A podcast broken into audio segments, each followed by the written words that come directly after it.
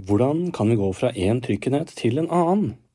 I dette første eksempelet så ønsker vi å gjøre om tre atmosfærer til torr. Hvordan gjør vi det? Jo, som jeg sa tidligere, så starter vi med det vi i utgangspunktet har. Vi har altså tre atmosfærer som skal gjøres om til torr.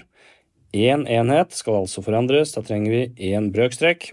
Og vi setter da atmosfærer i nevner, sånn at atmosfærer kan forkortes bort. Så ganger vi med torr, setter altså inn torr i teller.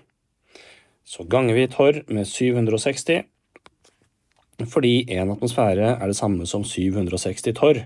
Så står det egentlig det samme i teller og nevner, og brøken totalt sett har da, har da fått verdien 1.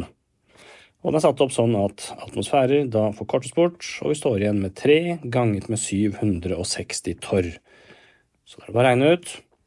Altså tre atmosfærer er det samme som 2280 torr.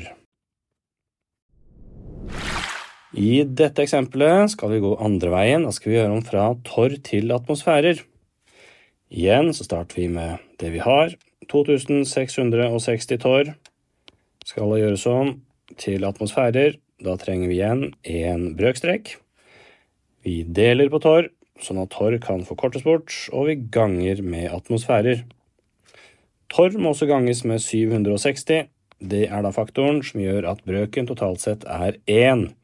Én atmosfære er det samme som 760 torr. Da står det altså egentlig det samme i teller og nevner. Og torr kan da forkortes bort. Vi tar da 2660 og deler på 760, så får vi altså det vi ønsker i atmosfærer her. 2660 delt på 760, det er 3,5, og benevningen da altså atmosfærer. I dette siste eksempelet skal vi gjøre om fra atmosfærer til Pascal.